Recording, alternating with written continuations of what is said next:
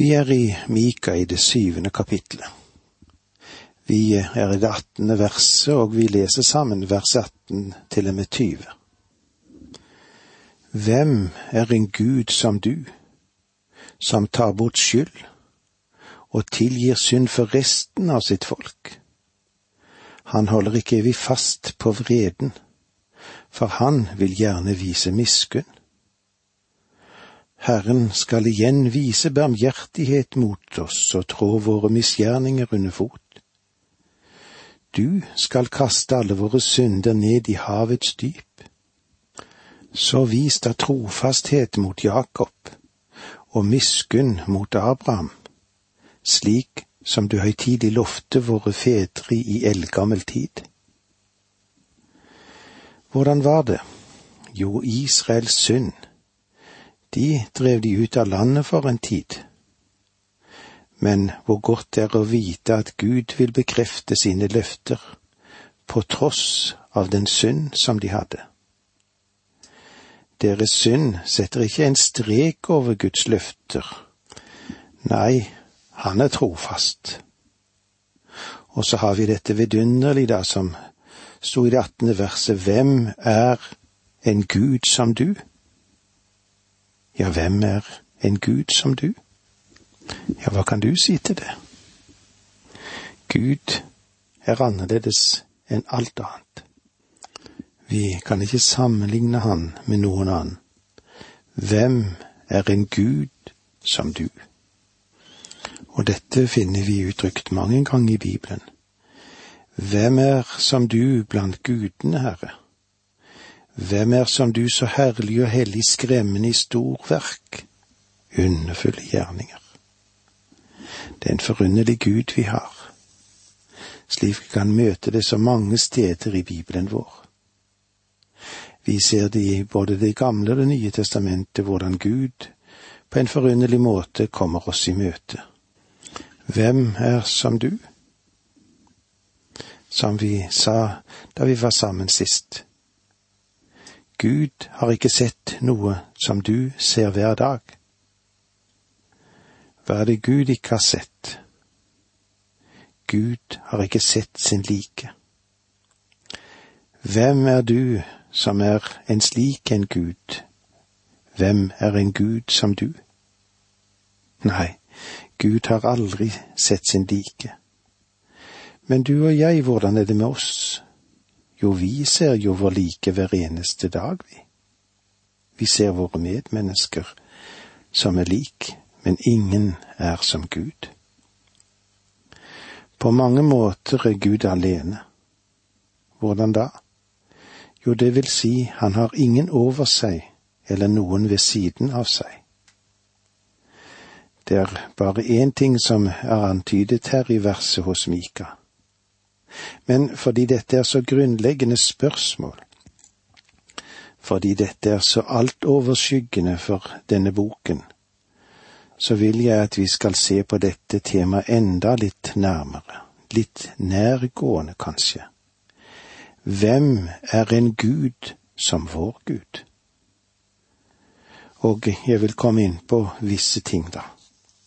Det første er Bibelens Gud er skaperen. Bibelens Gud er skaperen. Men hvordan er det da med hedningenes guder? Hedningens guder, er de skapninger? Apostelen Paulus han skrev det slik.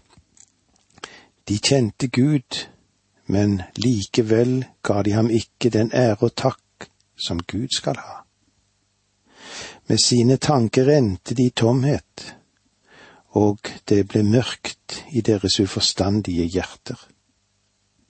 De sier de er kloke, men de endte i dårskap, og istedenfor å gi den uforgjengelige Gud ære, dyrket de bilder av forgjengelige mennesker, fugler, firbente dyr og krypdyr.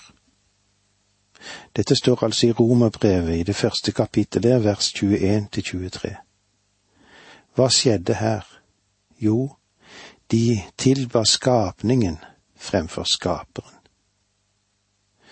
Jesaja, Han som var Mika samtidig skrev angående hedningene som lager sine billedstøtter av tre.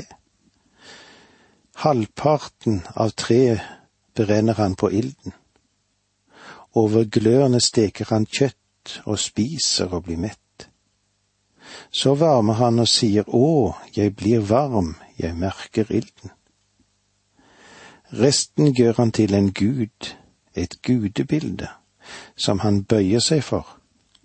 Han kaster seg ned, ber til det og sier, Frels meg, for du er min Gud.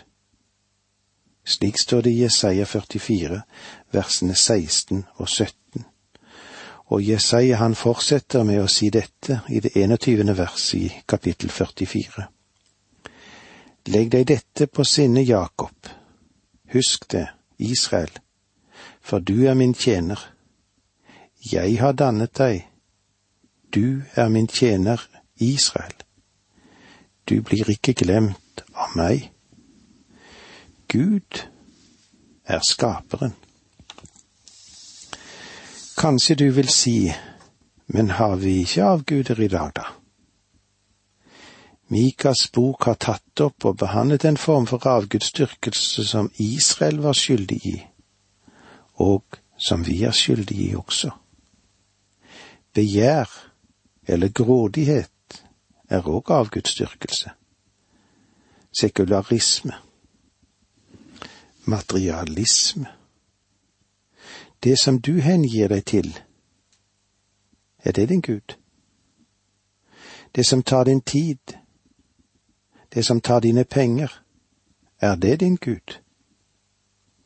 Det kan være forlystelse. Ja, det kan være mange ting som driver oss bort ifra Gud. Det kan være penger. Det kan være begjær etter andre mennesker, det kan være sex. Det er det som fester ditt hjerte som er det farlige, hvis det er din Gud. Og her betyr det ikke hvilken menighet eller kristensamfunn du tilhører. Det er det spørsmål som dukker opp igjen og igjen for oss er, det er hvordan du selv gir deg til din Gud.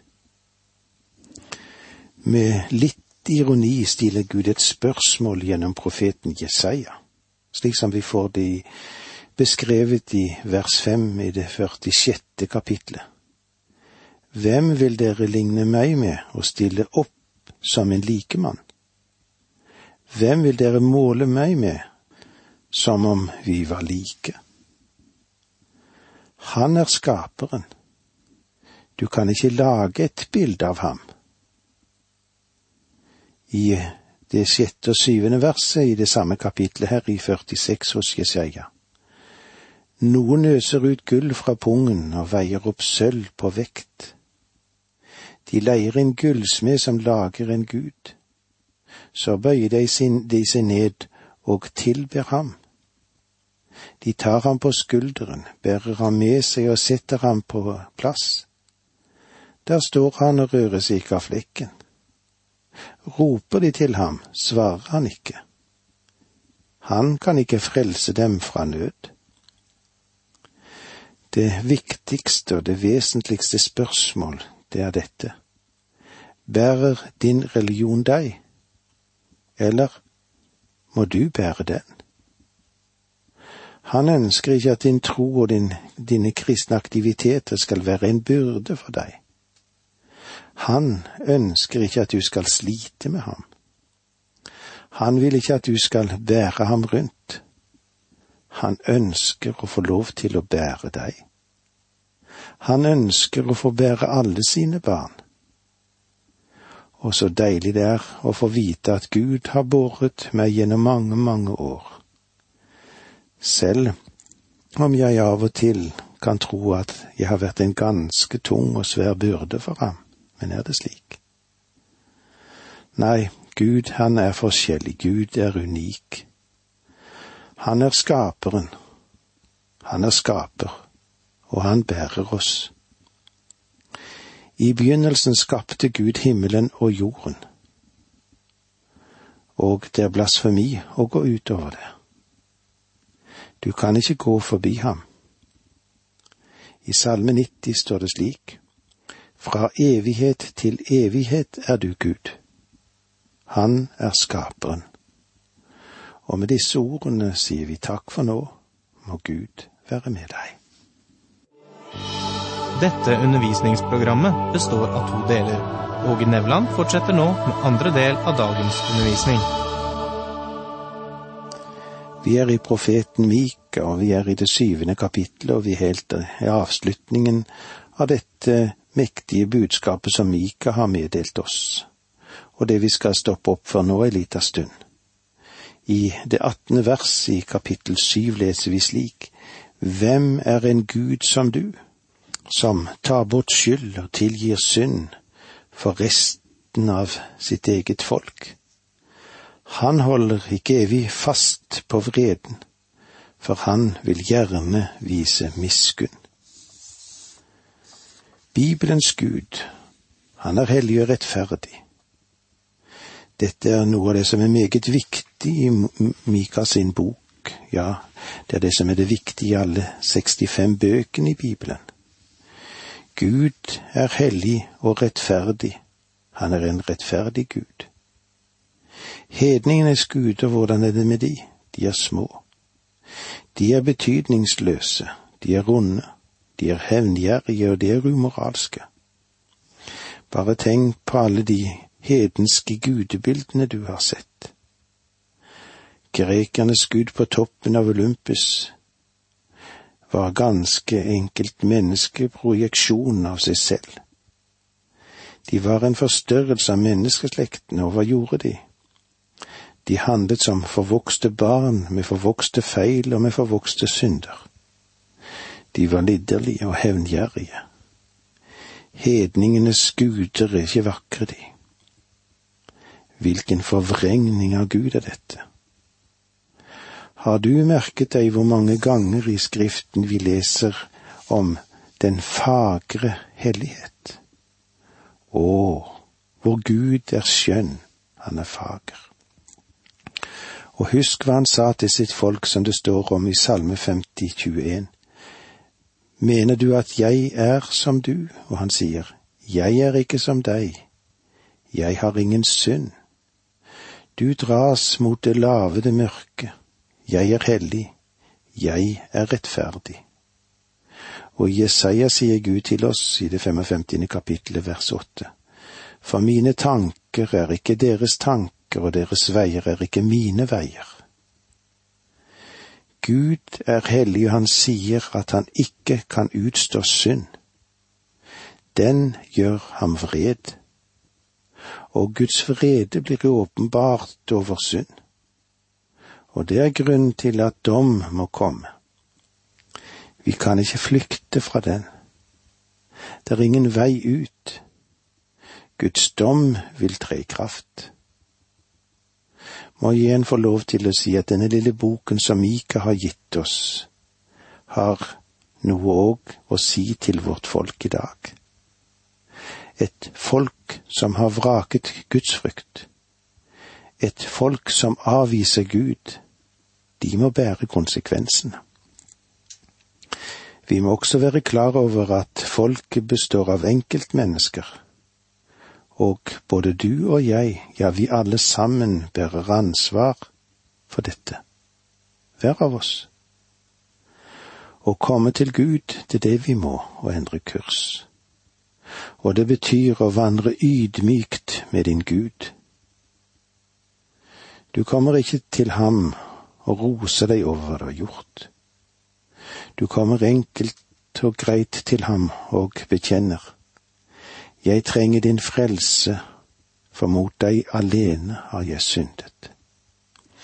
Du må akseptere hans frelse. Du må erkjenne at du aldri kommer innenfor himmelens porter basert på din egen rettferdighet. I vår tid finnes det mye, skal vi kalle det for veik teologi, hvis det er teologi i det hele tatt. Så vi trenger å stå til ansikt med ansikt til det som Mika har gitt oss med klare ord til sitt folk og til vårt folk. Bibelens Gud tilgir ondskap og gleder seg over barmhjertighet. I det attende verset leste vi slik her i det syvende kapitlet. Hvem er en Gud som du, som tar bort skyld og tilgir synd for resten av sitt folk? Han holder ikke evig fast på vreden, for han vil gjerne vise miskunn.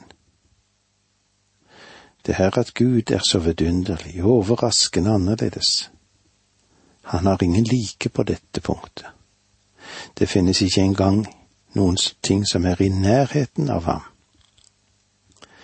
Hvem er som du blant gudene, Herre, hvem er som du så herlig og hellig, skremmende i storverk, underfulle gjerning, som det står i Moseboken, altså i den andre Mosebok, femtende kapittel vers elleve. Hva er så noen av de storverk Gud gjør? Her kan du lytte til og annen Mosebok, kapittel 33, vers 18 og 19.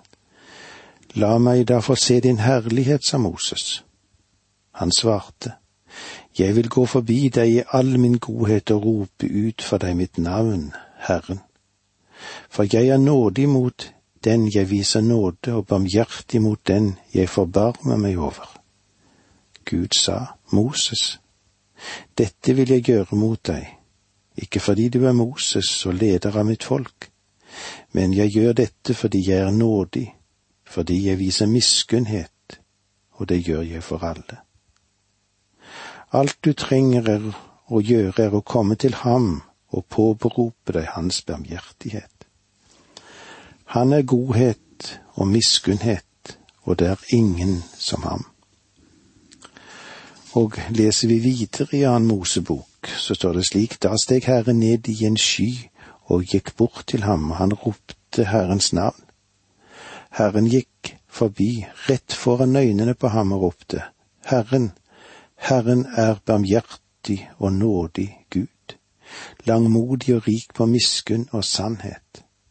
Han lar sin miskunn vare i tusen slektledd.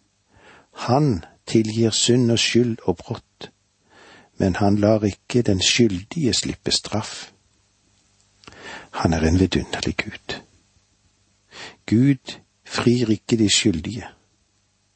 Galt er galt, fra det øyeblikk det hender, helt til dommen slår til.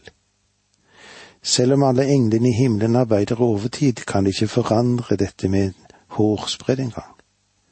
Men Gud kan tilgi synderen og rense ham for alle anklager, fordi Hans hellighet er blitt tilfredsstillet ved Jesu Kristi stedfortredende død. Guds tilgivelse presenteres i Skriften gjennom mange forskjellige språklige uttrykk og bilder. La meg få lov til å nevne noen få. Hans tilgivelse er som en gjeld som blir betalt. I Jesaja sies det slik, Jeg, ja, jeg er den som utsletter dine misgjerninger for min skyld. Dine synder kommer jeg ikke mer i hu. Slik står det i kapittel 43, 25 i Jesaja. Og Peter sier det slik i Apostelens gjerninger 3.19. Gjør derfor bot og vend om, så skal deres synder bli strøket ut. I hans regnskap står jeg med gjeld, fordi det står skrevet, Romerbrevet 6.23. Syndens lønn er døden. Og i første Korinterbrev 15.22. I Adam dør alle. Guds tilgivelse fremstilles i Skriften som en helbredelse fra sykdom. Og Jeremia, han skrev det slik i sitt eh, tredje kapittel vers 22. Vend tilbake, dere frafalne sønner, så skal jeg lege deres frafall. Og Jesaja 61,1 har han lovet å lege dem som har et knust hjerte. Og til sist blir Guds tilgivelse fremstilt som å være renset fra pest eller smitte. Bibelen forteller oss at Han frelste oss ikke på grunn av våre rettferdige gjerninger, men fordi Han er barmhjertig. Han frelste oss ved det bad som gjenføder og fornyer ved Den hellige ånd, som det står i Titus 3.5. Og vi leser også Jesu Kristi, Hans Sønns blod, renser oss for all synd som det står i 1. Johannes 1,7. Det er ingen som den Gud vi tjener. Hvordan tilgir Gud? Gud er annerledes, for det er ingen som ham når det gjelder å tilgi. Hans tilgivelse er så vidt forskjellig fra din og min. Du og jeg, vi tråkker på tærne og snur oss til hverandre og sier unnskyld meg, kan du tilgi? Og jeg svarer ja, selvfølgelig. Men kan hende du synes at det var fortærende at du ble ødelagt på skopussen din? Og i tillegg påførte du meg litt smerte. Men jeg sier jeg kan tilgi deg. Men Gud tilgir ikke før gjelden er betalt. Og på korset betalte Kristus gjelden. Han forløste oss. Vi er solgt under synd. Vi har i dag vært et anstøt for Guds hellighet. Vi står i gjeld til ham. Vi har en sykdom, og Gud kommer ikke til å la denne syndens sykdom komme inn i himmelen. Men Kristus betalte vår gjeld, og Kristus er den som vil tilgi oss. Han renser oss, og han gjør oss velbehagelige i Guds øyne så vi får plass i himmelen en dag. Hvem er en Gud som du, som tar bort skyld og tilgir synd for resten av sitt eget folk? Han holder ikke evig fast på vreden, for han vil gjerne vise miskunn. Er ikke dette en vidunderlig hilsen fra Herren selv? Han skal en dag føre Israel tilbake til sitt land, ikke fordi de er så strålende, men fordi han er strålende og jeg skal få adgang til himmelen en dag. Dit kommer jeg ikke fordi jeg er god eller rettferdig, for det er jeg ikke. Jeg går til himmelen fordi Jesus døde for meg. Jeg går dit fordi gjelden er betalt, og det er ingen som min Gud. Takk for nå, må Gud være med deg.